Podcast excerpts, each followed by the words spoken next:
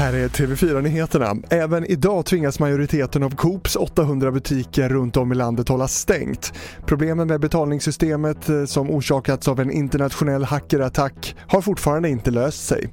Haveriet kan ha drabbat tusentals företag i flera länder men nu väntas hjälp från högsta nivå. Enligt ett uttalande från president Joe Biden ska amerikansk underrättelsetjänst utreda angreppen. Idag hålls häktningsförhandlingen mot en 17-åring som misstänks för polismordet i Göteborg. 17-åringen sitter som tidigare anhållen på den högre misstankegraden för både mord och mordförsök.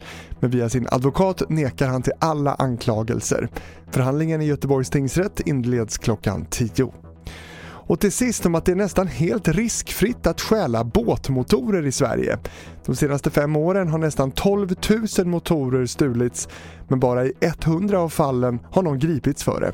Det visar en kartläggning i P1. Under pandemin har stölderna varit betydligt färre än vanligt men i takt med att gränserna nu öppnar upp igen märker polisen redan en tydlig ökning.